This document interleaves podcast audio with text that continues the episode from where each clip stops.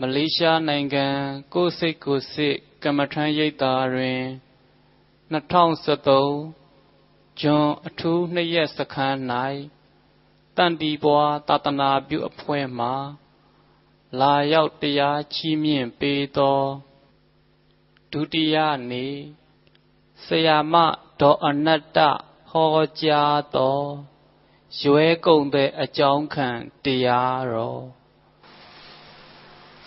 ကြော်ရောက်လာကြတော့ကျေးဇူးရှင်မိဘဆရာသမားဆွေတော်မျိုးတော်များနှင့်ယောဂီသူတော်စင်များအားလုံးမင်္ဂလာပါမင်္ဂလာပါယခုအချိန်ဒီဓမ္မနဲ့ပတ်သက်ပြီးတော့ဆွေးနွေးကြမှာဖြစ်တဲ့အတွက်ဘုရားရှင်တို့ဤဂုဏ်တော်ကိုပါကိုနမောတတ္တသုံးချိန်ပူဇော်ကြောခြင်းဖြင့်ဓမ္မဆွေးနွေးပွဲအခမ်းအနားကိုစတင်ဖွင့်လှစ်ကြပါစို့နမောတတ္တဘေကဝါတောအရဟတောသမ္မာသမ္ဗုဒ္ဓ တ္တနမောတတ္တဘေကဝါတောအရဟတောသမ္မာ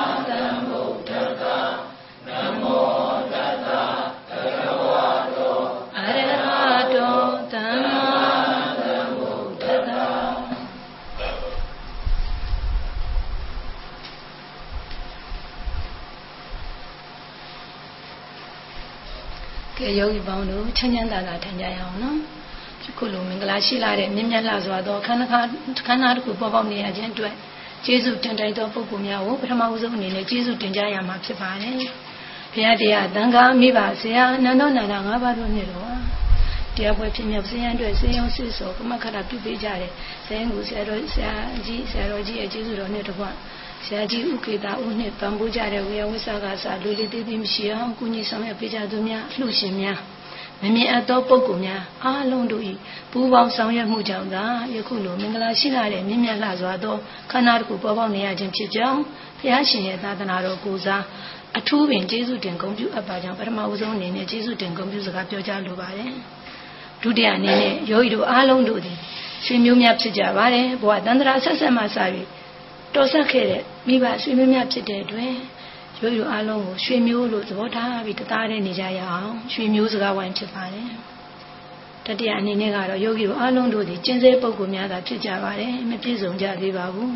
အားနဲ့ချက်များလူအပ်ချက်များရှိပါကမြည်သည့်ပုဂ္ဂိုလ်မြည်သည့်ချိန်မှမဆိုမြည်သည့်နေရာမှမဆိုယောဂီတို့အားပြုပြင်ပေးပါဝေဖန်ပေးပါဆုံးမသွန်သင်ပေးပါလို့ယောဂီတို့အားလုံးအဖွဲ့ကိုယ်စားတရားယောဂီကအနံလိုက်ပါပြီကဲအားလုံးချမ်းချမ်းသာသာနဲ့ရွှေမျိုးစကားဝိုင်းကိုစားကြရအောင် တက်တောင့်တက်တာချမ်းချမ်းသာသာထိုင်ကြရအောင်နော်တကယ်ပဲရွှေမျိုးလို့သဘောထားရဲ့လားထားပါရဲ့နော်ဒါဆိုရင်ယောဂီကလည်းလိုရာလေးတွေရှိရင်ပြောပေးမယ်ဒီကယောဂီတို့ကလည်းဒီကယောဂီအားနဲ့ချက်တွေရှိရင်ဆုံးမပေးပါမလားယောဂီတို့ရဲ့ဆုံးမပေးမလားဆုံးမပေးဘူးအဆုံးမပေးဘူးဆိုရင်တရားယောဂီကစိုးကျင်တိုင်းစိုးနေတော့မှာပေါ့ဟုတ်ပြီနော်တို့အဖေတွေအမေတွေကနေဘာလုပ်ပေးရမလဲပေးပြင်ပေးရမယ်ပြုပြင်ပေးရမယ်ဝေဖန်ပေးရမယ်ဓမ္မသာလေ ဝေဖန်မှုကိုကြိုးစိုးခြင်းသည်တဲ့အောင်မြင်ခြင်းရဲ့တော့ကျဲဟုတ်တယ်မို့လားယောဂီရဲ့ဝေဖန်တဲ့ပိုင်းမှာမိမိကိုဘလို့သဘောနဲ့ဝေဖန်နေဆိုတော့ကိုယ်ဝေဖန်ပြီဆိုတော့ကိုယ်စိတ်ဝင်စားလို့ကိုယ်အကျိုးလိုလားလို့လေဒါကြောင့်ဘလို့ပဲဝေဖန်ဝေဖန်ဝေဖန်လိုက်ရင်ကြည်ကျင်နဲ့နဲ့လက်သင်ခံပြီးတော့ဝေဖန်တဲ့ပုံမှာသုံးသပ်ပြီးကွာကောင်းအောင်ကြိုးစားရမယ်ဒါမှအောင်မြင်ခြင်းရဲ့တော့ကျက်ဖြစ်တယ်ဒါရုပ်ရည်ဘုသူတ္တလေးဖြစ်အောင်ပါနော်ဝေဖန်မှုကိုကြိုးစိုးပါလို့နံပါတ်1ဒါလေးပေးခြင်းပါလေဘာကိုကြိုးစိုးကြမလဲဝေဖန်မှုကိုကြိုးစိုး မိကိုမိမိအမြဲတမ်းပြီးရင်အနံ့ရတယ်ဆိုတာဒါဆိုယောဂီတို့ရောတို့ယောဂီတွေကဟောတို့အနံ့ရတာကွယ်သူတို့ကမအနံ့တော့ကွာရဲရဲမဆုံးပါဘူးတို့ကအနံ့တယ်လေဟုတ်ပြီလားတို့ရောအနံ့ကြရလားအနံ့ပါဒါဆိုရင်အမြင်မတော်တာရှိရင်ပြောမယ်နော်ပြောလို့ရလားအဲဆိုယနေ့ကစပြီးဘုရားရှိခိုးရင်ဘယ်လိုလဲရှိခိုးမလဲ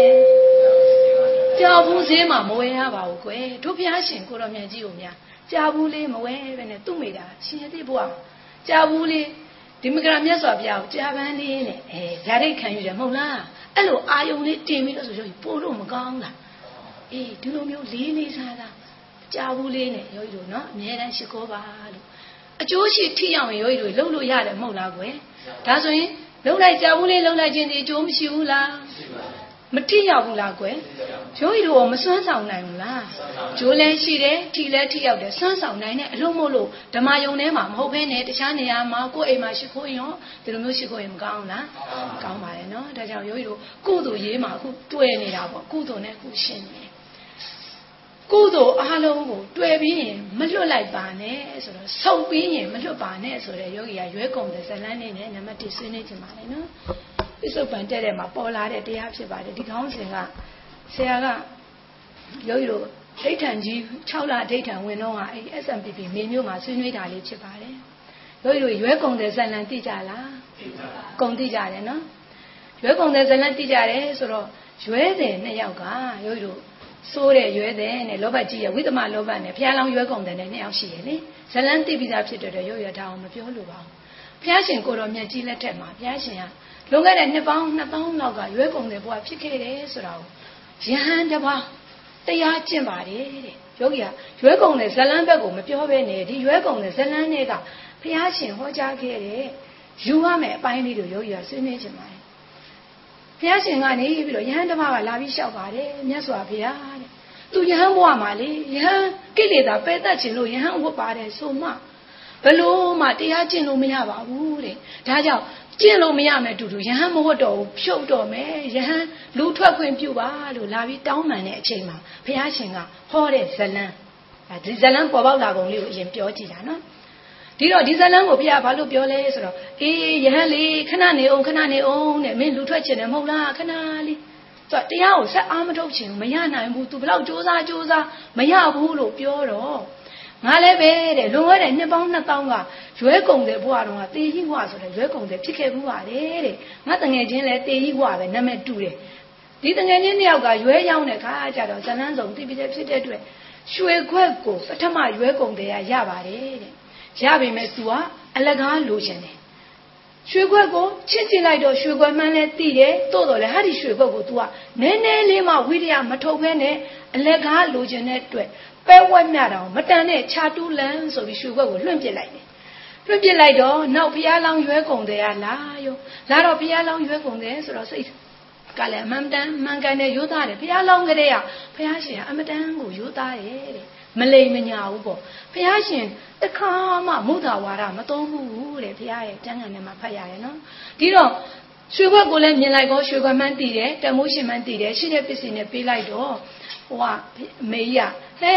ခုနရွဲကုန်တဲ့ကတော့ပဲဝက်မြမတန်ခြာတူးလန်းဆိုပြီးခွက်ကိုလွှင့်ပစ်သွားတယ်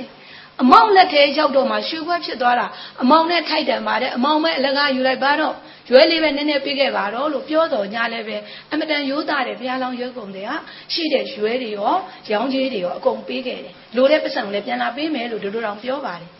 ဒီတော့ကရွှေခွက်ကိုပိုင်ပိုင်နိုင်နိုင်ရသွားပြီးရေလေကောင်နဲ့ရောက်တော့နောက်ရွဲကုန်တယ်ကငါနည်းနည်းပပလေးပေးပြီးတော့လာအောင်မယ်ဆိုပြန်လာတော့ရွှေရွဲကုန်တယ်ရွှေခွက်အစ်စ်ကိုရရလိုက်သေးလားဒုတိယရွဲကုန်တယ်မရလိုက်ဝိတ္တမလောဘမောဟကြောင့်ပေါ့နော်မောဟကြောင့်လောဘဖြစ်တယ်လောဘကြောင့်ဝိတ္တမလောဘဖြစ်တယ်ဝိတ္တမလောဘကနေတစ်စင်းတစ်စင်းခါရဗျာပါဒတွေဖြစ်တာပေါ့ပြီးတော့အာဃာတဒီဇလန်းကိုရုပ်ရရွဲကုန်တဲ့ဇလန်းတိကြပေမဲ့ဘာကြောင့်ပြောလဲဆိုတော့အဲ့ဒီဘဝတွေကနေ အဲ့ဒီဘုရားလောင်းရွဲကုန်တဲ့အပေါ်မှာဒီဘက်ကတေကြီးကရွဲကုန်တဲ့ထားလိုက်တဲ့အာဃာတပထမဦးဆုံးစတင်ပြီး ငါရွှေဘွက်ပဲပဲအမှန်မှသူ့မှာသူဝိရိယမစိုက်ထုတ်လိုက်လို့သူမရလိုက်တာလေဒါကိုသူ့အမားကိုသူမမြင်ပဲနဲ့ယူသွားတဲ့လူပေါ်မှာပဲအမားမြင်ပြီးတော့အာဃာတအညှိုးကြီးထားလိုက်တာရွဲကုန်တယ်ဘွားကထားလိုက်တာလေးသင်ချင်းနဲ့ကဘာတသိမ်းမှာတောက်လျှောက်ဘုရားရှင်ဘာလုပ်ပါပြီလဲရညှိုးတွေထားပြီးအာဃာတတွေနဲ့နှောက်ရက်ဖြစ်စီတဲ့လူဖြစ်တာပေါ့နော်ဒီဘုရားရှင်လက်ထက်ကြတော့ဘသူဖြစ်ပါလဲယောဂီတို့ဒေဝဒတ်နော်ဒေဝဒတ်ဖြစ်တဲ့အထီကိုသူကဘုရားလောင်းကိုဘာလုပ်လဲ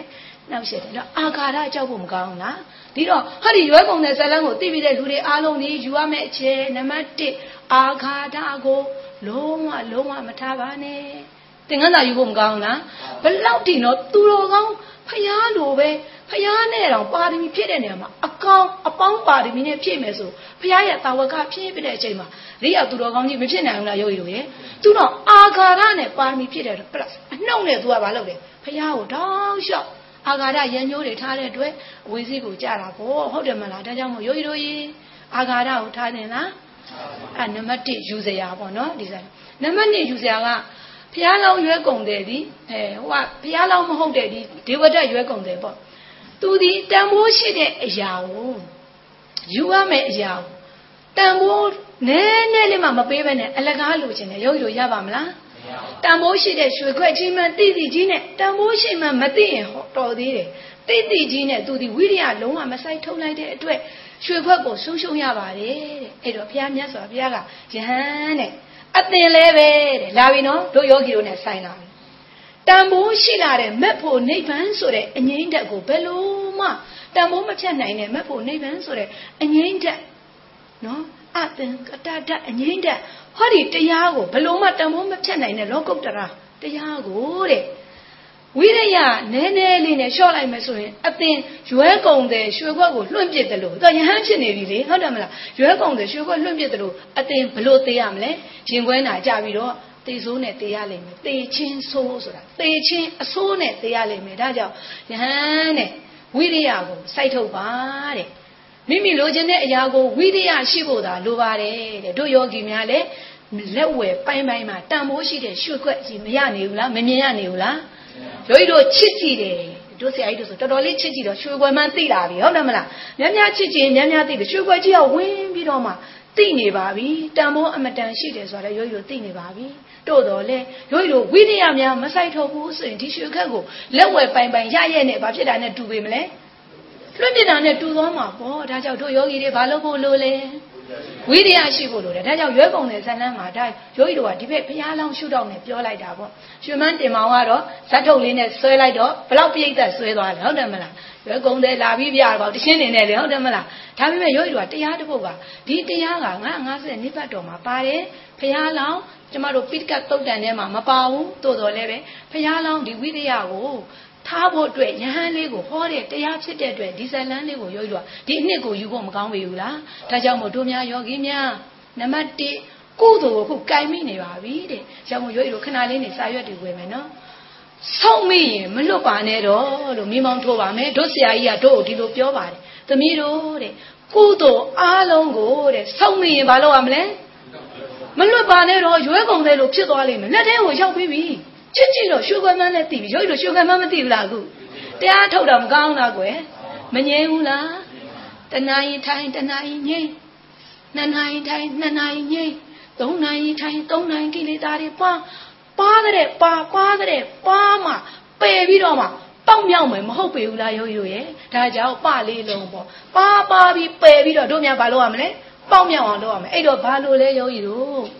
ဝိရိယလိုတယ်အဲဒါကြောင့်မို့ဇွဲနဲ့နဘဲနဲ့ဝိရိယနဲ့အာတာပြီးဝိရိယကိုတင်းပြီးတော့မှရရှိမဲ့မဲ့ဖို့ချင်းသာဆိုတဲ့ရွှေခွက်ကိုလက်ဝဲပိုင်ပိုင်ဆုံးမိပြီဆိုရင်ရွှေဝက်ကဲ့သို့နိဗ္ဗာန်မဲ့ဖို့နိဗ္ဗာန်အငြိမ့်တက်ကိုမိမိသီလနဲ့ပဲငြိမ့်ငြိမ့်တမာတိနဲ့ပဲငြိမ့်ငြိမ့်ပညာနဲ့ပဲဘလို့ပဲငြိမ့်ငြိမ့်ရတဲ့နေပါဆုံးမိပြီဆိုရင်ဘာလို့မလဲလက်မလွတ်ပါနဲ့တော့လို့အဲ့တော့ခေါင်းစဉ်ကပါလဲဆုံးမိရင်မလွတ်နဲ့ဟောနောက်ဆန့်ကျင်ဘက်တစ်ခုပြော အကုသိုလ်တွေကြတော့တဲ့ယောဂီတို့ခေါင်းစဉ်တစ်ခုဆွေးနွေးတယ်ဆိုသူ့ရဲ့ဆန့်ကျင်ဘက်တရားမရှိပေဘူးလားတို့ယောဂီတွေအားလုံးဆုံးမရင်မလွတ်နဲ့ဆိုတာဘာကိုပြောတာလဲကုသိုလ်အားလုံးနော်ဆုံးမရင်မလွတ်နဲ့တော့ယောဂီတို့ဆုံးမရင်မလွတ်လို့ယောဂီတို့ဒီဘဝရောက်လာတာယောဂီတို့အားလို့အားလိုက်တာဒေါနတကြီးအားလို့သာဝရယောဂီဖြစ်လာတာမဟုတ်ပါဘူးလို့မအားတဲ့ကြားတွေကဖြစ်လာတာဘာဖြစ်လို့လဲဆိုတော့ဆုံးမိပြီးတော့မလွတ်လို့ပါဘူး စတင်ပြီးတန်တီကွာယောဂီစပြီးတော့တင်နန်းစတဲ့ခရဲဟာဆရာကအဲ့အတုပကမ္မထံတော်မြင့်မြင့်လို့ဆိုဆရာမကြီးရှင်းပြတယ်ယောဂီတော့အတုပဆိုတာကြားလဲမကြားဘူးအိမ်မှာ9မိနစ်ဒီမဲ့တသားလေးတော့တတ်သေးရှိတယ်15မိနစ်ကိုနိုင်လေးဖွင့်ပြီးတော့မှ15မိနစ်ထိုင်ကြပါတယ်ယောဂီတော့အယောင်းဝင်လုပ်တယ်ဘဝသမားတွေဆိုတော့အမတန်ဝေဒနာတက်ပါတယ်တက်တဲ့ခါကျတော့ထိုင်လိုက်တယ်ခလေးလေးတွေကငြိမ့်လို့သားလေးတွေကငြိမ့်လို့ကျမကြတော့9မိနစ်ကိုတစ်ချိန်ပြင်တယ်ရုပ်တို့ဒီမှာ9မိနစ်တစ်ချိန်ပြင်တယ်လို့ရှိလား 9မိနစ်နဲ့ရုပ်ရမထိုင်နိုင်ဘူးပြင်ပြန်ပြီ9မိနစ်15မိနစ်ထိတ်ထန်အောင်မပြည့်ခဲ့ပါဘူးလို့ဒါပေမဲ့တကယ်ကိုတရားကိုကုသိုလ်ဆုံးမမလွတ်တဲ့အတွက်ကြောင့်နိုင်ပေါင်းများစွာဘာဖြစ်ပါပြီလဲအခုဆိုရင်ထိုင်နိုင်သွားပြီပေါ့နော်ရုပ်တို့ပြောချင်တာဆုံးမရင်မလွတ်နဲ့ဆိုတော့ကုသိုလ်ပြောတာတိုးတိုးပြီးလုပ်ပါပညာထက်ဆိုတာတဲ့ကုသိုလ်ကုသိုလ်မှန်သိပြီးတော့တိုးတိုးတိုးပြီးလုပ်နေတဲ့လူကိုပညာတတ်လို့ခေါ်တယ်ယောဂီစာမတတ်ပါဘူးလို့နော်စာလောကီပညာမှာအမတန်အားနည်းပါတယ် ABCD တော့မနေပဲရေးရပါတယ်စာမတတ်ပါဘူးသို့တော်လေကုသိုလ်ကုသိုလ်မှသိတိုးတိုးပြီးလုပ်တဲ့လူကပညာတတ်ပဲလို့ပြောလိုက်တဲ့အရိယာသူတော်ကောင်းစကားတခွန်းကိုလည်းမြင်လိုက်ကိုဟာကိုကိုလေကျင်းနဲ့လိုက်တာလုံးဝအားငယ်တော့ပထမအရန်အားငယ်ဒါဆိုစာဖတ်တတ်တယ်ဆိုပိဋကတ်တွေရောပြောင်းပြောင်းကြည့်အောင်မဖတ်တတ်ဘူးလား ရုပ်အမှန်တမ်းပြောမယ်ရုပ်ရ6တန်းနဲ့တက်ပါလေတိုးတော်လဲပညာမတက်ပေမဲ့ပိဋကတ်တော်တွေကိုပိုင်ပိုင်နိုင်နိုင်စာဖတ်တတ်တင်ကြပါပြီလို့ခုဒီရိတ်တာမှာပိဋကတ်မြန်မာပြန်ကျမ်းအုပ်30ကိုရုပ်ရည်ဖူးခဲ့ပါမယ်တန်တီပွားရဲ့ရည်ရွယ်ချက်ထဲမှာအဓိကတော့ပိဋကတ်မြန်မာပြန်နေပြန်ပွားဖို့လိုတယ်။ဘာကြောင့်လဲဆိုတော့ခန္ဓာနဲ့ပြောတဲ့တရားတွေကိုစာနဲ့မှရှိတယ်လို့တက်တည်တက်တည်ပြခြင်းလို့ထားပါ။ အားရင်တခြားစကားတွေပြောမယ်စားတုတ်တံပိဋကတ်တွေမှာဖတ်ပါ။အရန်ကိုကြည်ညိုဖို့ကောင်းပြီးတော့မှလေဆရာတော်ကြီးတွေပေါ်မှာလေပို့လို့ကြည်ညိုပြီးတတ်တာတွေတိုးပါတယ်လို့ဒါကြောင့်မို့လူတန်းခဲ့ပေးပါမယ်လို့ပြောလိုတာကပညာတတ်ဆိုတာကုသိုလ်ကိုကုသိုလ်မှသိပြီးတိုးတိုးပြီးလုပ်ရင်ပညာတတ်ဖြစ်ပါတယ်ဒါလေးကိုနားလည်ဖို့ဒါကတော့လောကုတ္တရာဘိုင်းနဲ့ပြောပါတယ်နော်လောကီမှာတော့ပညာတွေအများကြီးတက်ရင်တော့ဉာဏ်တွေပွင့်ပြီးတော့ပို့လို့ကျင့်လို့ကောင်းတာပေါ့နော်ကဲဒါဆိုရင် ဆုံးမရင်မလွတ်နဲ့ဆိုတာကုသိုလ်ပြောပြီးတော့အကုသိုလ်တွေကြတော့ယောဂီတို့ဘယ်လိုလုပ်သင့်လဲယောဂီတို့ရဲ့အကုသိုလ်တွေကြတော့ဘယ်လိုလုပ်ရမလဲအကုသိုလ်တွေကြတော့ဆောက်ထားမှာလား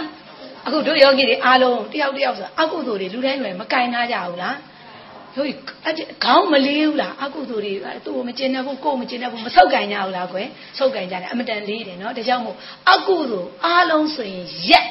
လို့တို့ဘာပြောမလဲအကုသိုလ်အားလုံးဆိုရင်ရက်ခါချလွှတ်ချပါလို့အဲ့ဒါကတော့ကျမ်းဂန်နဲ့စာလို့ခန္ဓာနဲ့ပြောမယ်ဆိုရင်ဧကောဓမော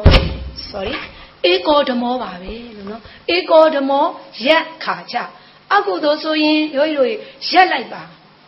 အရန်အကုသိုလ်မှသိပြီဆိုရင်အကုသိုလ်လို့သိတာနဲ့ရက်ပြီးတော့ယောဂီတို့ရက်ယုံနေမကပါဘူးတဲ့တို့ဆရာညံနဲ့ထက်ကွန်ရက်ပြီးတော့နောက်ဆုတ်ပါတဲ့ကုသိုလ်ဆိုရင်တိုးမယ်အကုသိုလ်ဆိုရင်ရက်ယုံနေမကဘဲနဲ့ဘာလုပ်မလဲနောက်ကိုဆုတ်ပါအကုသိုလ်ဆိုရင်เนาะဒါလေးကိုခိုးခဲပြပြသိပြီးတော့ကုသိုလ်မှန်သမျှကိုဆုံးမရင်မလွတ်ကြပါနဲ့ အကုသို့မှန်သမျှကိုတော့ရက်ပြီးတော့ခါချပါလှုပ်ချပါနောက်ဆုံးပါလို့တိုင်လုံးပြောကြရင်လည်းမက်ဖို့နိဗ္ဗာန်ဆိုတဲ့အငိမ့်တက်ကိုမျက်မှောက်ပြုဖို့တို့ယောဂီများဝိရိယကိုတင်ကြပါလို့ပြောရင်လည်းရွဲကုန်တယ်ဇလန်းကိုဒီမှာပဲနေကုန်းချုပ်မယ်နော်ဒါတခုပေါ့ကဲနောက်ထပ်ကယောဂီကမိနစ်20ဆွေးနွေးခွင့်ရတယ်ပေါ့နော်ဒါပြီးရင်နောက်ဆရာမလေးတယောက်ကနေဆရာလေးကနေစဉ်တတိကိုယောဂီတို့ဆွေးနွေးပေးမယ် ဒီတော့နောက်တစ်ခုဘာလေးပေးခြင်းလဲဆိုတော့ယောဂီတို့မနေ့တုန်းကတီလာယူတာလေးတွေ့လိုက်တယ်လေယောဂီတို့ရိတ်တာမှာလည်းပဲတီလာယူပါတယ်အဲယောဂီတွေအားလုံးဒါပေမဲ့ဆရာတော်ကြီးတွေကမှော်ပြီးမှဖြစ်တဲ့အတွက်ယောဂီတို့ကကိုယ်တီလာကိုကိုယ့်ဟာကိုယ်ပဲဖျားမှာအားလုံးယူရတယ်ပေါ့နော်ဒီနည်းလေးတွေ့လိုက်တော့ဒီစခန်းနဲ့တို့လုတ်ရက်တွေနဲ့တော်တော်တူတယ်နောက်တစ်ခုတူတာတော့တို့ရိတ်တာမှာဆွန်းစားရင်တို့တွေကအိတ်ဆွန်းအပေါ်မှာ ဝင်လောလေမောထွက်တော်တော်ဝိသတိကတ်ဆိုတော့ဆိုတော့သူကတတိကဒလဆက်ကမှဒီထိုင်းတဲ့ရှုွက်မှာအညာအထောက်ကူဖြစ်တာလေတမာတိကိုလုံးဝအပြတ်မခံဘူးဒီကနေသွားရင်လည်းရုပ်တော်ပါဇက်ကနေတရားပေးရထပြီးဆိုတော့ရုပ်တော်ဒီလိုမပေးထအောင်ရုပ်တော်ထတယ်ပဲလေထားခြင်းပြီးပြီးသွားပြီမိမိရဲ့ပုပ္ပကိစ္စတွေလုပ်ပါလို့ပြောပြီးထားခြင်းပြီးဆိုရင်ဘယ်လိုပဲဖြစ်ထားခြင်းတယ်မလားပြီးရင်ထားခြင်းတာကနံထားလိုက်တာကရုပ်ကပ်ပေးလိုက်တာရုပ်နံကပ်ပေးလိုက် သွားခြင်းပြီးဆိုသွားလိုက်တာကနံသွားလိုက်တာကရုပ်သွားလိုက်တာနံနဲ့ရုပ်ဆိုစွန်းစားရအောင်ဒီတိုင်းမှာပဲတန်းစီပြီးသွားတယ်တလန်းလုံးပြောပြနေတယ်ယောဂီတို့တတိကဲဆိုပြီးတော့လေပြီးရင်စားတော့မယ်ဆိုလဲစားချင်တာကနံစားလိုက်တာကရုပ်စားလိုက်တာနံနဲ့ရုပ်ဟောနောက်တစ်ဆင့်ကနံရုံနှစ်သိမ့်အမြင်ရှင်းစားရင်အလုံးလုံးသွားရင်အလုံးလုံးဟဲ့ဒါလမ်းရင်အလုံးလုံးရေတောင်းရင်အလုံးလုံးဆိုနံရုံနှစ်သိမ့်ကိုအမြင်ရှင်းပြီးတော့ ထမင်းစားဝိုင်းကိုပို့တယ်ထမင်းစားဝိုင်းပို့ရင်ထမင်းစားဝိုင်းမှာဆင်ခြင်းပြီးရိုးရိုးကစတည်ပြီးအဲ့ဒါစစားတာနဲ့အဲ့ဒါတရားဟောတော့တာပဲလို့ဘာလို့လဲဆိုရင်ဓမ္မဒေသနာကုသိုလ်ရအောင်စားတဲ့ပုံမှာလောဘတွေမဖြစ်အောင်တို့တွေတရားဟောတယ်ဆရာမတွေအားလုံးကတရားကိုတင့်တော်တဲ့တရားပေါ့ဒီနေ့ဆိုရင်ပထမနေ့ဆိုရင်ဒါပစ္စဝခဏဆင်ကျင်ခြင်းအတိတ်ပဲလို့ဒါမျိုးတွေပေါ့သိသိသိထိုက်တာပေါ့ခုဆိုရင်တို့တို့တရားဆွေးနွေးတယ်ဆိုတာတခြားဟာတွေဆွေးနွေးတာတော့မဟုတ်ဘူးဒီစွန်းနဲ့ပတ်သက်လို့ပေါ့စွန်းနဲ့ပတ်သက်လို့ဆိုရင် ပရိဘောဂ၄မျိုးလိုဟာမျိုးပေါ့ထေရပရိဘောဂတိလဗမာလိုပဲပြောမယ်နော်ပါဠိလိုဖယ်လိုက်တိလမရှိဘဲနဲ့စားရင်ခိုးစားတာနဲ့တူတယ်ဆိုဒီယောဂီကတိလကိုလုံးဝမချိုးရတော့တခိုးဖြစ်မှာလေတိလမရှိဘဲစားရင်ခိုးစားတာနဲ့တူတယ်ပစ္စဝခဏမစင်ကျင်ဘဲနဲ့စားရင်အဲတော့တယ်ကွယ်တို့သားတွေကပစ္စဝခဏစင်ကျင်ပြီးစားရင်အမွေရတာနဲ့တူတယ်တော်လိုက်တာဟဲ့အဲဒါနဲ့တူနဲ့မကြိုက်သေးသူကလက်ပါနေ ဇုံးပါတော့လက်ကလေအဲ့လိုလက်လေးနဲ့အဲဆရာပြောတယ်လက်သိမ့်မများနဲ့တဲ့လက်တွေရမ်းနေထင်နေမယ်ဆိုဆုံးပါပါတယ်ဒီတော့ပြောချင်တာပစ္စဝကနာစင်ញင်ပြီးစားရင်တဲ့တို့များအမွေရတာနဲ့တူတယ်အကျွေးဆက်ဆံမလို့ဘူးပေါ့ပြီးတော့ဒီနဲ့ပို့ပြီးမြင်တာအဲ့လိုစားရင်စားရင်လည်းတို့ကတင်ပေးတာလေစားတဲ့လူလေစားရင်နဲ့တင်ပေးတာတချို့ကတော့ပြောတာပေါ့စားရတာဖြောက်ဖြောက်မစားရဘူးဆိုဖြောက်ဖြောက်စားတော့သူတို့ဖြောက်ဖြောက်ပေးစားလိုက်တော့သူတို့လောဘတွေကိုဖြောက်ဖြောက်သွင်းသလိုဖြစ်နေတော့တာပဲဟဲ့လားဘာပြောကောင်းလိုက်တာဆို ဟာငယ်သီးလေးလည်းပါတယ်ဆိုဒီပုံမှာဒီသုံးလေးရတော့ယောဂီကကိလေသာပါဖို့တရားလာအထုတ်ပါတယ်ဆိုတော့နည်းနည်းမှဟိုလောဘဒေါသပါစေချင်တာကွယ်အိမ်တော့မှကြိုက်တာစားနော်ကြိုက်တယ်လို့အားရပါရတွေစားအောင်နော်ဒါတော့အဲတတိလက်လို့ပြောတာတော့မဟုတ်ပါအိမ်ရောက်ရင်လည်းဒီလိုမစားသင့်ပါဘူးတို့တော့လေဟိုပြောချင်တာရိတ်တာမှာဆိုတော့ရိတ်တာဆိုရိတ်တာအရိတ်တဲ့တာပြီလေဓမ္မရိတ်ဖြစ်တဲ့အတွက်ဒီဓမ္မရိတ်အောက်မှာရှိရင်ဓမ္မနဲ့ကိုရုပ်ရလွှင်းချုပ်စွန်းသားဝိုင်းမှာလည်းဓမ္မယုံဓမ္မအာယုံနဲ့နေစေချင်တာအဲ့တော့ပစ္စဝခဏစားပြီးတော့နောက်တစ်ခုကြတော့ မြင်မြင်ကမတ်တက်ရုပ်ရဒါကိုထည့်တယ်စားစားကမတ်တက်တောက်တောက်ကမတ်တက်ဆိုပြီးတော့တဏကြုံမလွတ်လို့၍စားခြင်းဆိုတာတကယ်တော့အစားစားတယ်ဆိုတာဘုရားရှင်ကိုယ်တော်မြတ်ကြီးကတို့မှတုတ်တန်နေတော့ထားပါတော့နာမည်မပြောတော့နော်ကိုယ့်ရဲ့သားလေးရဲ့အသားကိုတဲ့ဖဲ့ပြီးစားရတယ်ဇနီးမောင်နှံစားတကယ်တော့ဒီလိုသဘောထားပြီးစားရမယ်မစားခြင်းစားခြင်းနဲ့ဟင်းအသားစားသည်ကိုယ့်သားလေးရဲ့အသားဘိုက်ကလည်းစားလောင်းနေတယ် စားတဲ့ယောဂအကြီးဆုံးပါပဲတဲ့စားပါတယ်ဒီဟာကိုဟောတော့အရိယာပဋ္ဌအရိယာ၄ပါးမျှတစေဖို့နော်ဒီအရိယာ၄ပါးမျှတစေဖို့ရာပိုက်မျှလေဆိုအရိယာပဋ္ဌ၄ပါးမျှတစေဖို့တို့တွေကစားသုံးနေဘုရားသာသနာအကျင့်နဲ့ကြားဆိုတော့ပရိယတ်တိနဲ့ပရိပတ်တိဒါကြောင့်မို့တို့ကအများနဲ့ရှင်သွားတယ်ပရိယတ်ကိုလည်းတို့ကပေးတယ်ပฏิပတ်ကအဓိကဒါပေမဲ့ပရိယတ်ကိုလည်းအများနဲ့ရှင်တယ်ဘုရားသာသနာအကျင့်နဲ့ကြားရှိတာဟုတ်တို့တော့တစ်ချမ်းကမဖြစ်ဘူးပေါ့ ဒီတော့ဘုရားသာသနာအကျင့်နဲ့ကြားကိုကျင့်နိုင်ဖို့စားပါတယ်ဆိုပြောလို့မကောင်းလားအေးအဲ့လိုမျိုးအသိကလေးတွေတွင်းပြီးတော့မြင်မြင်ကမတ်တက်တို့ကားစင်သားတို့ကြီးဓာတ်စီမထည့်ရဘူးလားကွယ်ခီးသွားဖို့လေအေးတို့ရဲ့ဖိုက်သေးကိုလေအဲ့ဒီလိုဓာတ်စီထည့်တဲ့ကဲလို့တို့ရချိုးတဲ့ချင်းနဲ့ငန်းနဲ့ဖားတယ်ခါတယ်လို့ရတာမတင်မင်းနဲ့စားစားကမတ်တက် မြင်မြင်ကမတ်တက်စားစားကမတ်တက်တော်သူငါလေးတနေကုန်အားထုတ်ဖို့အင်းဒီရုပ်ဟာရကိုမဖြစ်နိုင်ရင်နံဟာရပြည့်ဖို့မလွယ်ဘူးဆိုပြီးရုပ်နံတို့ဟာအာဟာရမရှိရင်အသက်မရှင်နိုင်ဘူးလေဒါကြောင့်ပဋ္ဌာန်းမှာလည်းပါနေတယ်လေဒီအားလုံးတွေကပဋ္ဌာန်းတို့ပြိဿသမုပ္ပါဆိုတော့သူကလုပ်ငန်းစဉ်ကျင့်တဲ့လူမှာတစ်ခုမှမလွတ်ဘူးထည့်ပြောရင်ကုန်ပါရဲ့နော် ဒီလိုမျိုးဒီရုပ်အာဟာရကိုဖြစ်နေရတယ်လေအိမ်ကြီးဟာကြားမကန်ထားရင်ရုပ်ကြီးမပြိုနိုင်ဘူးလားကွယ်ဒါကြောင့်ရုပ်အာဟာရကိုဖြစ်တဲ့နေနဲ့စားပါတယ်ဆိုပြီးမြင်မြင်ကမတ်တက်စားစားကမတ်တက်ဆိုတော့အဲ့လိုမျိုးလေးပရိဘောက၄ပါးကိုဆင်ញင်ဖို့တို့ကအဲ့လိုတရားမျိုးတွေဟောတယ်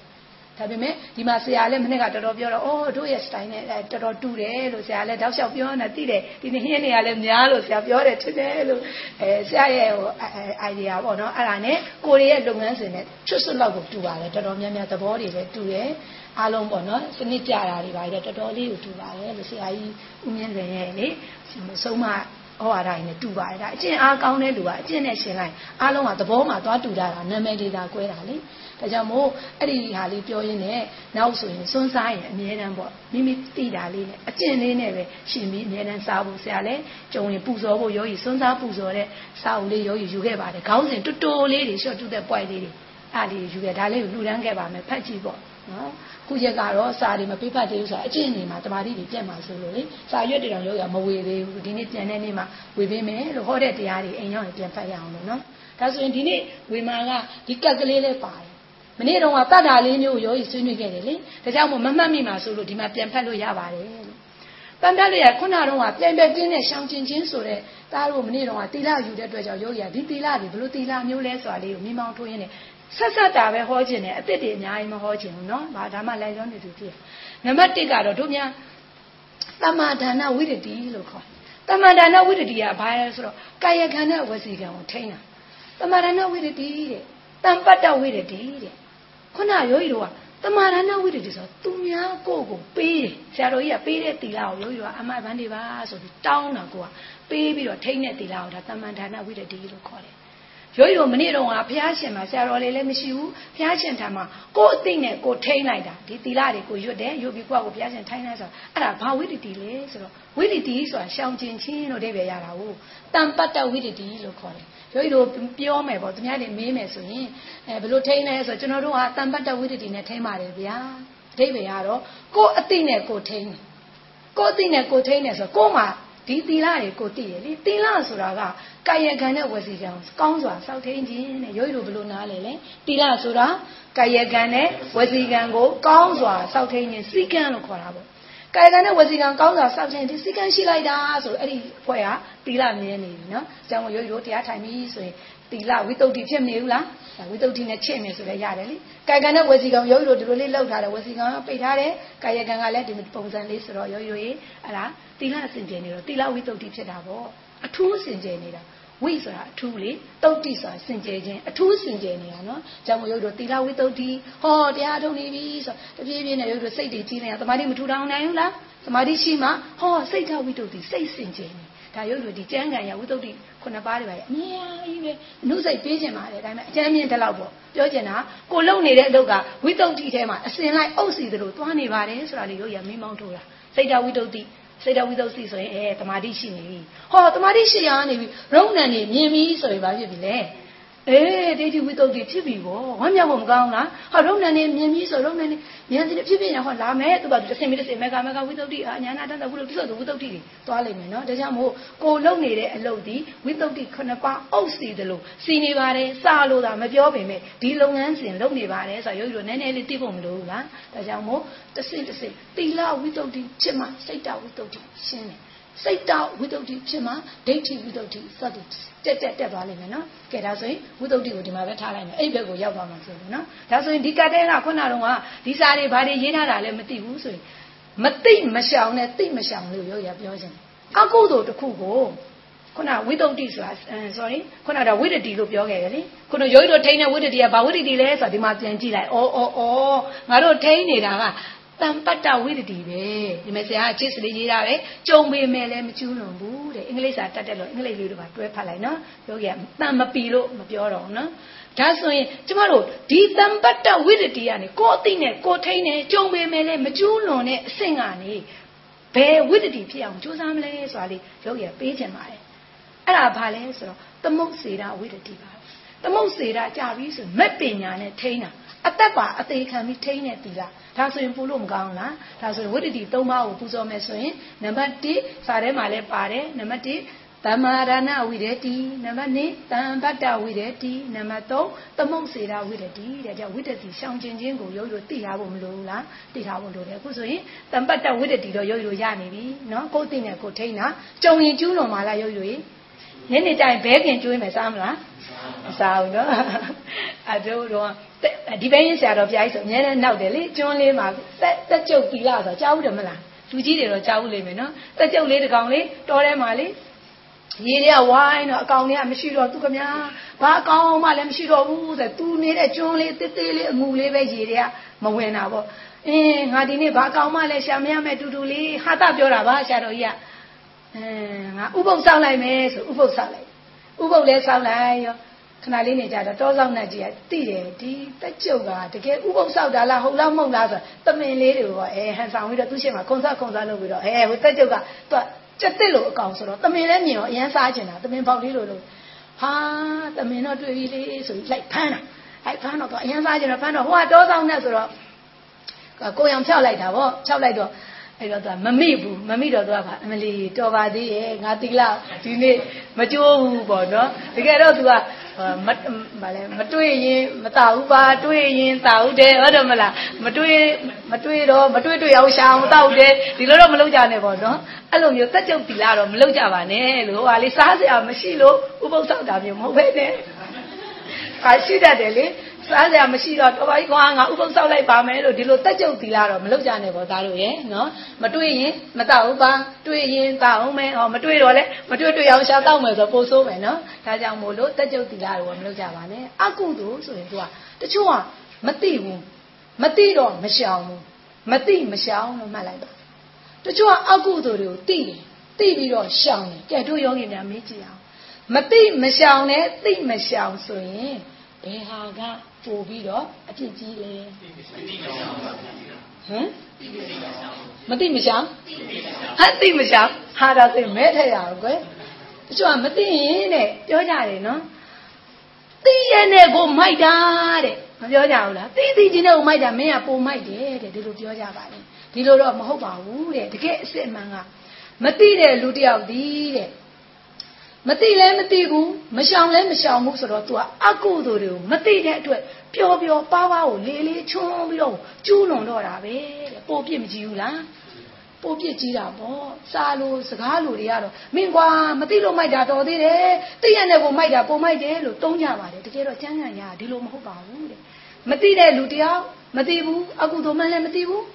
သီလဆိုတာလည်းဘာမှမသိဘူးဝိသဒနာဆိုတာဝိအဲ့တော့မသိတော့သွားဘာလုပ်လဲမရှောင်ဘူး ပျော်ပျော်ကြီးကျိုးလို့နေငါးဖက်နဲ့လူတယောက် तू ကဒီဒီပနာဒီဟိုအသက်တတ်တဲ့ကုသိုလ်ဘလောက်အကုသိုလ်ဆိုးလဲဆိုတာ तू မသိဘူး तू အသက်တတ်တဲ့ကုအကုသိုလ်သီလ तू ကမသိဘူးမသိတော့ तू ဘာလုပ်မလဲဟာလေကလေးကိုလောမြည်ဆိုဟဲ့လားတချင်းလေးနဲ့ကိုလော်ပြီးတော့ငားတွေဖမ်းပြီးတော့အာရပါရတတ်တော့တာပဲမသိတော့မရှောင်ပို့လို့အကုသိုလ်ပျော်ပျော်ပါပါမလုပ်ဘူးလားဟောတို့သားတို့သမီးတွေသိပြီတဲ့သိတဲ့အခါကျတော့ကိုဒီအကုသိုလ်လှုပ်လိုက်ရင် အပြစ်ကြီးတယ်ဆိုတော့မလွဲတာမရှောင်တာလို့ခုနတို့ယောဂီတွေကြားဘူးပါတယ်တရားကိုကျင့်ရမှန်းလည်းသိပါတယ်ကောင်းမှန်းလည်းသိပါတယ်မလွဲတာလို့ဒါလေးတွေကဝတ်ကျွေးလေးတွေလို့သဘောထားနံပါတ်1ရှုခွက်ရမယ်နံပါတ်2ဝတ်ကျွေးတွေဆက်ပါတို့သိန်းကိုဆရာတော်ဘုရားကြီးမိတ်ပါတယ်ဟုတ်စာဝနံပြုံးပြုံးခံမဟုတ်စာဝနံကုံယုံခံတဲ့ဟုတ်ရင်လည်းပဲကိုကပြုံးပြုံးလေးခံလိုက်မဟုတ်ဘူးငါနဲ့နော်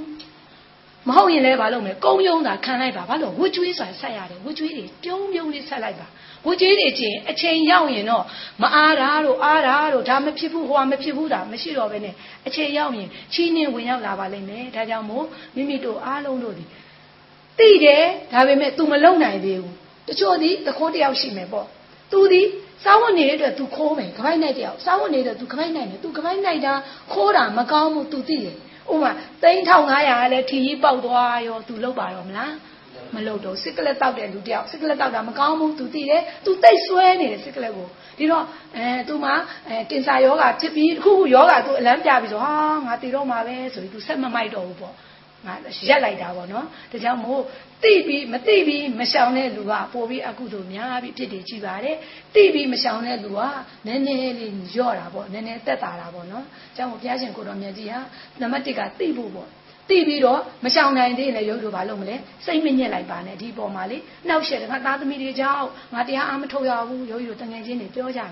တကယ်ချင်းဒီလိုမပြောပါနဲ့ကွယ်ဒီတငါသမီးတွေကလည်းဘသူသားသမီးတွေကဘလို့ကုံတယ်ဘလို့ခန်းတယ်တလ9သိန်းကုံတယ်10သိန်းကုံတယ်ဒါမျိုးတွေလည်းပြောကြတယ်ဘသူကထားတာလေကိုပဲထားတာကိုသားသမီးပညာတတ်ချင်လို့ဘသူမွေးလေကိုပဲမွေးတာကိုပဲမွေးပြီးကိုပဲပူတယ်လို့ပြောနေတာလေမိုးလင်းတာနဲ့ကျွေးရတယ်မွေးရတယ်ကုံလိုက်တာခန်းလိုက်တာဒီလိုမထားပါနဲ့လို့ လူကံပုံကိုယ်လေးတွေရှိတယ်လို့သဘောထားလိုက်ရင်သမီးအရန်ကိုကုသိုလ်တွေဖြစ်သွားပါမယ်လို့သူတို့တွေကအလူကံပုံကိုလို့သဘောထားလိုက်ရင်ကျွေးတဲ့အကျွေးမှာအစားကုသိုလ်တွေဖြစ်သွားပြီလေဒါကြောင့်မို့နှလုံးသွင်းမှန်ဖို့အရန်အရေးကြီးပါတယ်မိမိဒီ သိတယ်ကောင်းမှုကိုသိတယ်ဆိုပေမဲ့လုံမဲလို့အစင်မပြေရင်လည်းအစင်မပြေအောင်ဖြစ်နေတဲ့ခန္ဓာလေးတွေအပေါ်မှာအကုသိုလ်မယူလိုက်ပါနဲ့ကြည်ကြည်နက်နက်လက်သင်ခံပြီးတော့မလုပ်မလဲအကျွေးကိုကြည်အောင်ဆက်ပါအချိန်ကြလို့ပါရမီပြည့်မယ်ဆိုရင်လောကုတ္တရာပေါ့ဝင်လာနိုင်ပါလိမ့်မယ်ပေါ့နော်ဒါလေးတစ်ခုကိုမိမောင်းထိုးပါမယ်ပြီးတော့ဘုရားရှင်ကလူကျင်တာကတော့အများကြီးတတ္တဝါအားလုံးကိုဘုရားရှင်ကသူကသူ့မိတာရှင်အသိဘဝတည်းကကျွေးကြော်တာလေဘလို့ကျွေးကြော်လဲဆိုတော့ ဘုရားနဲ့တွေ့လိုက်တော့သူကပထမဆုံးသူငါရအောင်ကျင့်မယ်ဆိုတဲ့စိတ်တစ်ခုတည်းနဲ့သူ့မိတာရှင်အသိဘဝဖြစ်လာတာသူ့ရဲ့ဗန္နာတိုက်ကိုဖွင့်လိုက်ပြီးတော့တည်ရင်လဲကိုမိဘတွေကယူလို့မရတာသူကမြင်လိုက်တယ်လေဘိုးတွေဘွားတွေဘက်ကဂရေ80ဂရေ80အများကြီးရလိုက်တော့ဟာဗန္နာတိုင်းကဒါယူလို့မရဘူးလားလို့မရမရဘူးတဲ့တည်ရင်ဒီလိုပဲထားခဲ့ရတာပဲဆိုတော့ဟာထားဆိုရင်ကျွန်တော်သေလဲထားခဲ့ရမှာပေါ့ဘာယူလို့ရလဲဆိုတော့ဒါနသီလဘာဝနာလုပ်ရရတယ်ဆိုချက်ချင်း လိုချင်တဲ့လူတွေအကုန်လှူတော့တာပဲတဲ့သူမေတ္တာရှင်တရားလေလှူတော့ခါကျသူကလည်းသူမေတ္တာရှင်တက်ဖို့ပြီးကျင့်တာဇန်အင်္ဂါ၅ပါးတောင်ရတယ်ရုပ်လူမမြင့်ဘူးလားရုပ်လူရဲ့ဇန်အင်္ဂါ၅ပါးတောင်ရနေပါပြီတဲ့တို့တော်လဲဒီမရကမြတ်စွာဘုရားနဲ့လည်းတွေ့လိုက်ကောငါတရားရဖို့အတွက်သူကျင့်နေနော်ငါသိရင်ငါပါလို့ရတာယူမယ်ဆိုပြီးကျင့်တယ်ဒါပေမဲ့ဒီမရကမြတ်စွာဘုရားနဲ့တွေ့လိုက်တော့ဘုရားကမိမိလည်းတည်တယ်သူတစ်ပါးကိုလည်းဟောတယ်ဒီဗုဒ္ဓရဲ့အဓိပ္ပာယ်ကလေဗုဒ္ဓဆိုဒီမှာ တစ္ဆာလေးပါးမြတ်တရားကိုမိမိကိုယ်တိုင်သိမြင်တော်မူတကယ်တော့တတ္တဝါအလုံးတို့ကိုလည်းပြန်လဲလမ်းညွန်ပြသပေးနိုင်တော်မူသောမြတ်စွာဘုရားဆိုဟောဘုရားဟာတီလဲတီတယ်ဟောလဲဟောတယ်အတူလေးမှလိုက်တိဟောလို့မြတ်လိုက်တို့ဘုရားသည်တိလဲတိတယ်ဟောလဲဟောတယ်သစ္စေကဗုဒ္ဓကြတော့တိတယ်မဟောဘူးဒါဆိုရုပ်တို့ဒါလေးဘုသူတမရသွားဘူးလားပြောရင်းနဲ့ပါသွားတာလေမှတ်လိုက်နော်သစ္စေကဗုဒ္ဓကတိပဲတိတယ်သစ္စာလေးပါမြတ်တရားကိုတိတယ်မဟောဘူး တို့ဗုဒ္ဓမြတ်စွာဘုရားကြတော့တည်လဲတည်တယ်ဟောလဲဟောတယ်ဟာဒီမကမြတ်စွာဘုရားကိုလည်းမြင်တော့ငါလည်းပဲမူလရွေရွယ်ချက်ကိုမလုပ်လိုက်လဲပြောင်းလိုက်တယ်ပထမဆုံးငါကိုတော်တိုင်းရအောင်ပအောင်ယူမယ်ဆိုတဲ့ရွေရွယ်ချက်ကိုမူလရွေရွယ်ချက်ကိုဖြတ်ပြီးတော့အများအကျိုးကိုအများကိုပြန်ပေးမယ်ဆိုတဲ့စိတ်နဲ့ဖျားဖြစ်အောင်ကျင့်တော်မယ်ဆိုဖျားစုမဖန်လိုက်ဘူးလားရွေရွယ်ဒီနေရာမှာရွေရွယ်သူတော်ကောင်းတို့မိမောင်းထိုးမယ်မိမိဒီရေမှန်းချက်တစ်ခုရှိပါလိမ့်မယ်ရေရွယ်ချက်ကောင်းကောင်းလေးရှိပါလိမ့်မယ်သို့တော်လဲ သူ့ထက်ပိုကောင်းတာများတွေ့ရင်ပြောင်းဖို့ဝန်မလေးပါနဲ့လို့ဒါလေးမိမောင်းထိုးမယ်နော်ဘုရားလောင်းတော်မှသူကိုယ်တိုင်ယူဖို့ယူမယ်ချက်အမှန်မကောင်းလားဒါပေမဲ့ပိုကောင်းတာတွေ့တော့မပြောင်းလားဒါဆိုရင်ဒီပြောတဲ့စကားထဲမှာပိုကောင်းတာတွေ့ရင်ပြောင်းပါလို့ဒါလေးမိမောင်းထိုးပါတယ်ဒါကြောင့်မို့ဘုရားလောင်းကသူ့မိသားကနေသူ့မိသားရှင်ရဲ့တဲ့ဘုရားရှင်ကနေဓာတ်ရိတ်လည်းခံယူပြီးတော့ကြွေးကြော်တယ်ဗုဒ္ဓဘောရိယံဗုဒ္ဓဘောရိယံ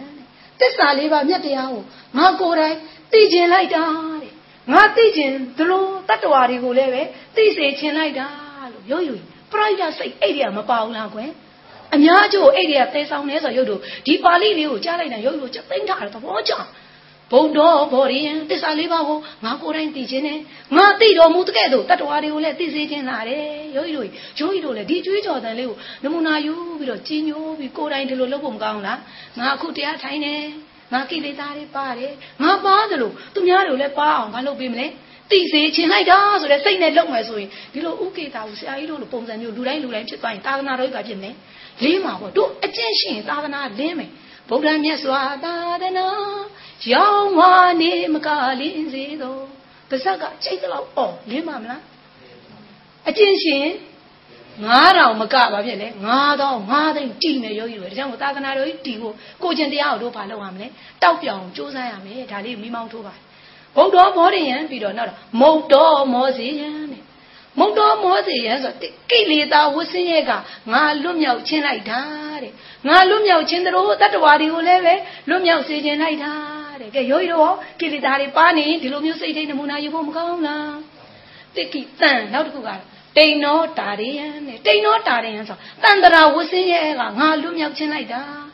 ဟာဒီတန်တရာဝဆင်းရဲကငါလွတ်မြောက်ခြင်းသလုံးတတ္တဝါတွေကိုလည်းပဲလွတ်မြောက်စေခြင်းလိုက်တာလို့ဖះလောင်းသူ့မိတာရှင်ဘုရားဒီလိုကြွေးကြော်ခဲ့ပါတယ်တဲ့ ဒါကြောင့်ယောယောဂီများအားလုံးလည်းမိမိသိတဲ့အသိတွေကိုသူတစ်ပါးကိုပြန်လဲပြီးပေးရမယ်သူ့မိတာရှင်ရဲ့သိဖះလောင်းရဲ့ကြွေးကြော်တဲ့ကိုနမူနာယူပြီးယောဂီတို့ဘာလုပ်ခဲ့ဘာလုပ်ရမလဲသာသနာကိုမိမိခန္ဓာတွင်းမှာပြုမိမိလင်းသလိုအများလင်းအောင်ဘာလုပ်ပေးရမလဲဆောင်ရွက်ပေးရမယ်ကိုပဲကျင့်ငါပဲကျင့်ငါပဲရငါပဲနိဗ္ဗာန်သွားဒီလိုရမလားကွယ်အဲ့လိုမလုပ်ပါနဲ့ဒါလေးမိမောင်းထုတ်တယ်ဆရာကိုလည်းပတ်မိုးပေးကြပါနော်ဒီလိုမျိုးလူမျိုးတွေများမှာသာသနာကိုလင်းမယ်နော် အမတန်ကိုရောကြချီးကျူးပါတယ်အကျင့်အားကောင်းတဲ့လူမျိုးဒီလိုမျိုးပြောလို့ကောင်းတာပေါ့နော်ဒါကြောင့်မို့လူဘုရားရှင်ကဘုရားလောင်းကလေးအဲ့လိုကြွေးကြော်ခဲ့တယ်ကြွေးကြော်ခဲ့ပြီးတော့ဘုရားဖြစ်ပြီးဘုရားပြတော့ဘုရားရှင်ကဝိနည်းတတ္တဝါတွေကိုအာကိလေသာတွေပါစေချင်တာပေါ့နော်ဒါကြောင့်မို့ဘုရားရှင်လိုချင်တာကဟောဒီလောက်ပါတဲ့တို့လူလိုပြောမယ်ဆိုငါလိုချင်တာကဟောဒီလောက်ဆိုတာဘာကိုပြောတာယဟန္တာဖြစ်စေခြင်းတယ်အားလုံးကိုလေကိလေသာအကျွေးမဲ့ပယ်တာဘယ်သူလဲကွယ်အရိယာလဲဗဟန္တာပဲနော်ဒါကြောင့်မို့ လူတိုင်းလူတိုင်းအားလုံးကိုတို့ဘုရားရှင်ကယဟန္တာဖြစ်စေခြင်းပါတယ်တဲ့ဒါပေမဲ့ယဟန္တာမဖြစ်တော့လဲပဲသောတာပန်နာဂံသရဂံဆိုရင်လည်းသို့ပါသလားယုတ်တို့ရဲ့အဲမသို့ပါဘူးဒါဆိုလည်းနော်အဲ့တော့ငါလိုချင်တာကဟောဒီလောင်ယဟန္တာတဲ့သောတာပန်သရဂံအနာဂံဒီလောက်ဆိုလဲမစိုးပါဘူးတဲ့ဒီလောက်ဆိုရင်တော့မစိုးပါဘူးတဲ့နော်သောတာပန်သရဂံအနာဂံလောက်ဆိုလဲမစိုးသေးဘူးနော်အရိယာဖြစ်တဲ့သူ ပုရုဇဉ်ဆိုရင်တော့ဘာသွားသုံးပါလဲတဲ့တို့ဆရာပုရုဇဉ်လဲဆိုရင်တော့တို့ဖះရဲ့မျက်နှာတော်ကြီးဟောဒီဟန္နာမြတ်ရဲ့မျက်နှာတော်ကြီးအာနာဝမကောင်းလားယောဂီတို့ဒါကြောင့်မို့ပုရုဇဉ်ဘဝနဲ့လွတ်အောင်ပုရုဇဉ်မှအရိယာတို့ဆိုတဲ့ခေါင်းစဉ်နဲ့ယောဂီတို့ကပေးခြင်းပေးကျင်တာတဲ့အများကြီးပဲပြောလိုက်အကုန်ချိတ်နေတာသို့တော်လဲအချင်းရနေတဲ့အတွက်ယောဂီကဒီလောက်မှပဲရမယ်နော်နောက်ဆရာမတယောက်လည်းဆွေးနွေးမှဖြစ်တဲ့အတွက်ကျောင်းမို့ဘုရားရှင်ကယောဂီတို့ထမင်းစားမယ်ဆိုရင်တိုက်ကအရန်စား စလုံးကြီးနဲ့စားကျင်တာပေါ့နော်ငါလိုချင်တာကဟောဒီလောက်တပကံကြီးစားကျင်တယ်ဒါပေမဲ့ဟိုးသမီးလေးမခိုင်လို့ကဒီလောက်လေးပဲကျွေးတယ်ဒီလောက်လေးပဲကျွေးတော့လဲသားတို့စားနေတယ်ဆိုတော့ဒီလောက်လေးကျွေးတော့လဲစိုးပါလားကွယ်မစိုးပါဘူးသမီးမြူလေးနဲ့ဟင်းလေးကနည်းနည်းနဲ့ဒီလောက်လေးကြောင့်မစိုးပါဘူးနော်ဒီလောက်ဆိုရင်လည်းမစိုးပါဘူးဒါပေမဲ့ကွယ်သမီးလုံးလေးကိုစစ်စိတ်စိတ်စိတ်ပြီးတစ်စိတ်လောက်ပဲကျွေးရင်တော့ ရွရွဘာသွားသုံးပါလဲဟုတ်တယ်နော်ဒါကြောင့်မို့တို့ဘုရားရှင်ကလိုချင်တာကယဟန္တာသောရဗန္တရာကံဆိုလည်းမစိုးပါဘူးပုရုဇဉ်ဆိုရင်တော့ဘာသွားသုံးပါလဲရွရွပုရုဇဉ်ဆိုရင်ဘာသွားသုံးပါလဲတို့ဆရာပြောတယ်တဏှာဆိုရင်သုံးစားလို့မရဘူးတဲ့ပြောတော့ရုပ်ရမစိုးဘူးလို့ဟုတ်တယ်လို့တဏှာလောက်ဆိုရင်တို့ခန္ဓာဖြစ်စင်မှာတိတိရောက်ပေါ့ဒါပေမဲ့ခု10မိနစ်15မိနစ်တကိလေသေတော့လာတဲ့လူတွေဖြစ်တဲ့သူတို့ဘာလုပ်နေဆိုရုပ်တော့ချော့ခေါ်နေရတယ် ဆွဲခေါ်တယ်တရားကြောက်ပြီးတရားလန့်သွားရင်ပေါ်ဝေးသွားမှာစိုးလို့ဘာပြောပြော9မိနစ်ထိုင်လဲ9မိနစ်ကိလေသာ10မိနစ်ဆို10မိနစ်ဆိုအဲ့လိုလေအပါဆွဲတယ်လို့ခေါ်တာပေါ့နော်ပါပါလေးဆွဲရတယ်ကိုယ်သိန်းကူရိတ်တာရောက်ပြီးဆိုရင်တော့တို့ယောဂီကတော့ဇွဲနဲ့နေပဲနဲ့ခုနဝိရိယကိုလေခုနရွက်ကုန်တယ်မှာဝိရိယကိုတင်မှာဝိရိယရှိဖို့ပဲလိုတယ်ရရှိခြင်းနဲ့ရွှေခွက်ကိုရခြင်းဝိရိယလိုသလိုပဲเนาะမက်ဖို့နိဗ္ဗာန်ရခြင်းဝိရိယပဲလိုပါတယ်ဒါကြောင့်မို့ဒါလေးနဲ့ညီကုန်းချုပ်မယ်เนาะ ဘုရားရှင်လိုချင်တာကဘယ်လောက်လဲဟောဒီလားကဲဆရာကြီးဦးကေတာဦးကလိုချင်တာဘယ်လောက်လဲလောက်လိုချင်တဲ့ဆရာကြီးလိုချင်ကဲဒါလေးတူတူပူဇော်ရအောင်နော်လိုချင်တာကဟောဒီလားပြောမယ်လေလိုချင်တာကဟောဒီလားစားချင်တာဟောဒီလားဒါပေမဲ့ဒီလောက်ဆိုရင်လည်းမစိုးပါဘူးဒီလောက်ဆိုရင်လည်းမစိုးပါဘူးသောတာပန်တရားကအနာဂံဆိုလည်းမစိုးပါဘူးပုရုဇဉ်ဆိုရင်တော့ ဘာသွားသုံးပါလဲအယူတဲ့ဒီမှာပဲပြောမယ်တခြားရိတ်တာမပြောဘူး